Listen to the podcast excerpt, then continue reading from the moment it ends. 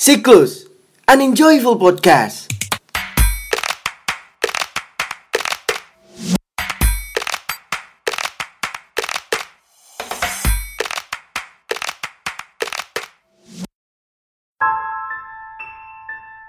Gini aja nggak bisa. Kenapa sih gue harus jerawatan kayak gini? Enak ya dia. Oh dia cantik banget ya. Am I not good enough? Kadang gue selalu ngerasa ada yang kurang. Ini selalu terjadi ketika gue salah. Ketika gue gak puas atas hal yang udah gue kerjain. Bahkan gue ngerasa kosong. Pernah gak lo? Ketika lo ada di suatu tempat dan lo ngerasa lo gak diterima. Atau ketika lo berada di antara orang-orang hebat, orang-orang cakep, orang-orang berada, lo ngerasa lo gak pantas di sana.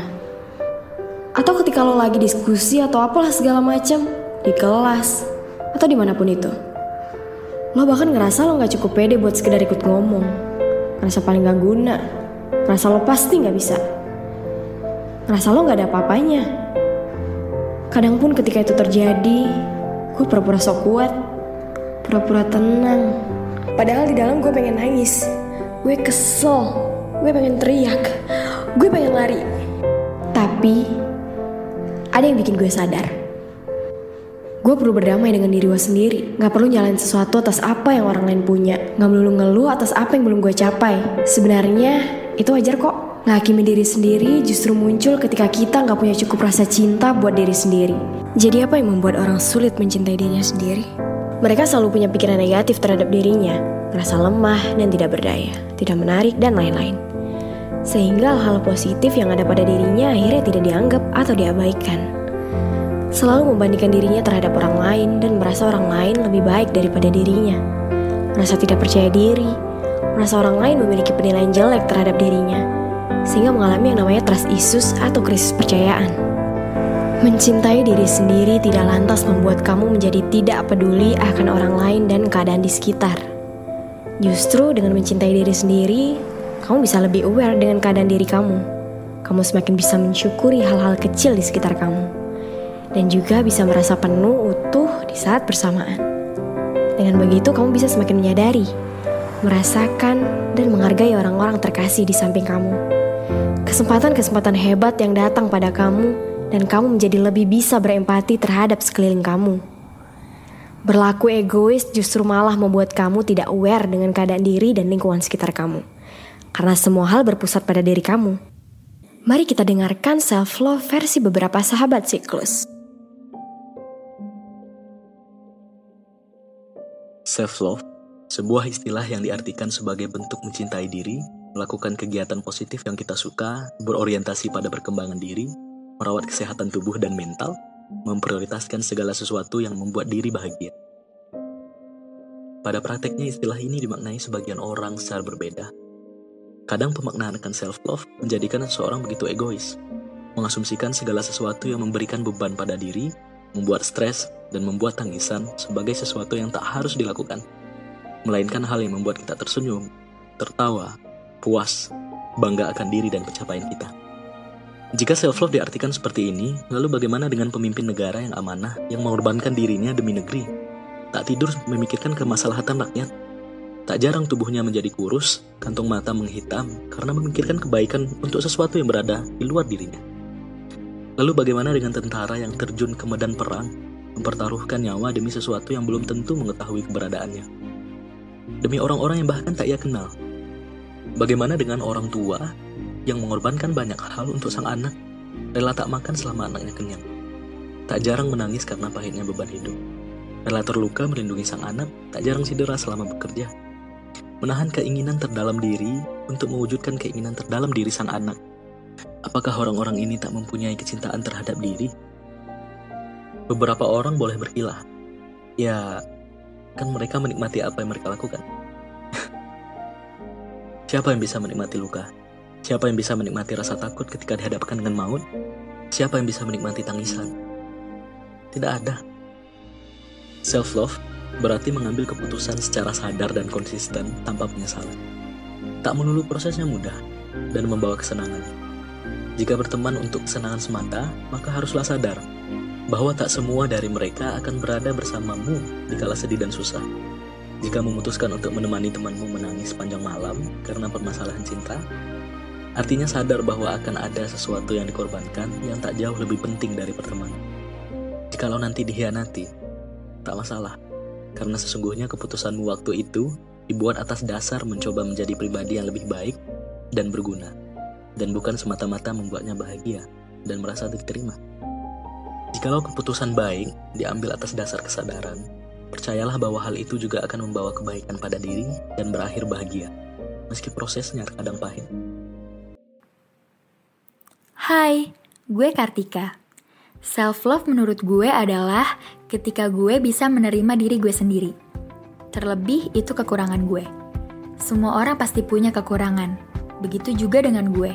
Tapi kita juga harus ingat, kita juga punya kelebihan. So, apa pun kelebihan yang gue punya, akan terus gue asah dan gue syukuri. Menurut gue, self-love itu sangatlah penting. Kenapa? Karena dengan mencintai diri sendiri, sama aja dengan kita mensyukuri segala nikmat yang udah Tuhan kasih. Tapi tenang aja, jujur gue juga pernah kok ngerasa insecure. Itu adalah hal yang wajar. Tapi jangan sampai berlarut-larut juga insecure-nya. Justru nih ya, kalau ada orang yang menurut kalian lebih dari kalian, seharusnya orang itu dijadiin motivasi untuk kalian lebih maju. Gue yakin kok, semua orang pasti punya bakat dan kelebihan. So, jangan pernah malu atau takut untuk nunjukin bakat kalian. Semua orang berhak untuk berkarya dan melakukan apa yang dia suka. Jadi, berkaryalah untuk diri kalian sendiri dan bukan untuk orang lain. Karena menurut gue, itu adalah salah satu cara untuk menghargai diri sendiri. Hmm, by the way, bagi kalian yang mau tahu karya gue, bisa mampir ke podcast cerita kalbu ya abis ini. Oh iya, ada satu lagi yang paling penting dari self-love bagi gue, yaitu kalian harus mengapresiasikan diri kalian terhadap apa pun yang udah kalian lakuin dan apa pun yang udah kalian capai. Nah, hal yang harus selalu diingat yaitu semua orang itu punya peran dan fungsinya masing-masing dalam kehidupan. Dan kita harus sadar bahwa kita semua berharga.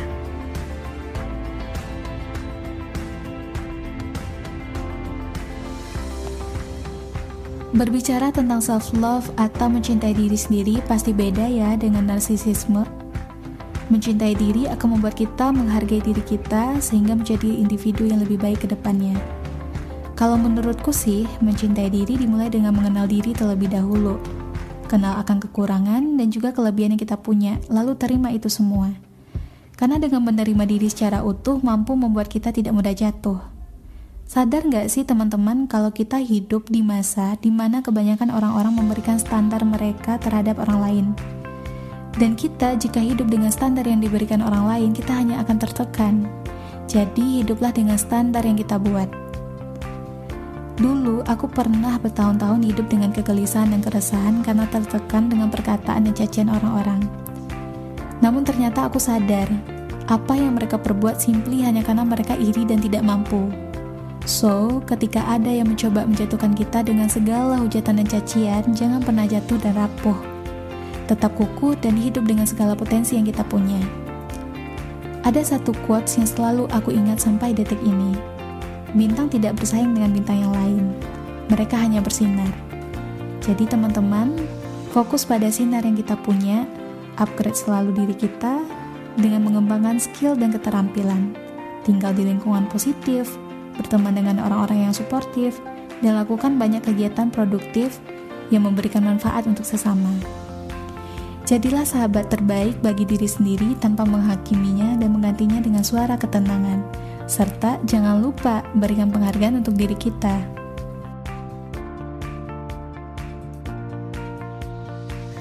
Lalu, hal apa yang bisa kita lakukan untuk membangun self-love? Pertama, belajar memaafkan diri sendiri jika kita sadar bahwa kita telah melakukan kesalahan, baik pada orang lain maupun diri sendiri. Lalu, utamakan diri sendiri. Dalam beberapa kondisi, bukanlah hal yang salah jika kita perlu ruang, perlu waktu, serta perlu tenaga dan emosi untuk mengurus kebahagiaan sendiri dulu sebelum kita memikirkan orang lain. Lalu, kita juga perlu mengenali kekuatan diri, sebab tidak ada orang yang terlahir tanpa potensi yang bisa terus diasah sepanjang hidup kita, hingga menjadi sumber kekuatan kita. Jangan terlalu fokus pada kekurangan dan perkataan negatif orang lain. Dari kekurangan tersebut, harusnya bisa jadi motivasi dalam meningkatkan kemampuan yang kita punya. Melakukan hal yang disukai sangatlah penting agar diri bisa merasakan kesenangan batin serta menyalurkan energi positif sehingga tak berdampak negatif pada kesehatan mental kita. Kemudian, sebisa mungkin menjauh atau membatasi interaksi dengan orang-orang yang toksik atau berpengaruh negatif pada diri kita.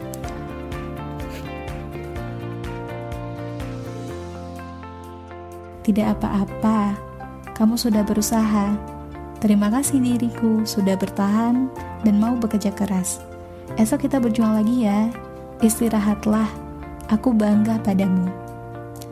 Percayalah teman-teman, dengan kita bisa mencintai diri kita sendiri, hidup akan bahagia berkali-kali lipat.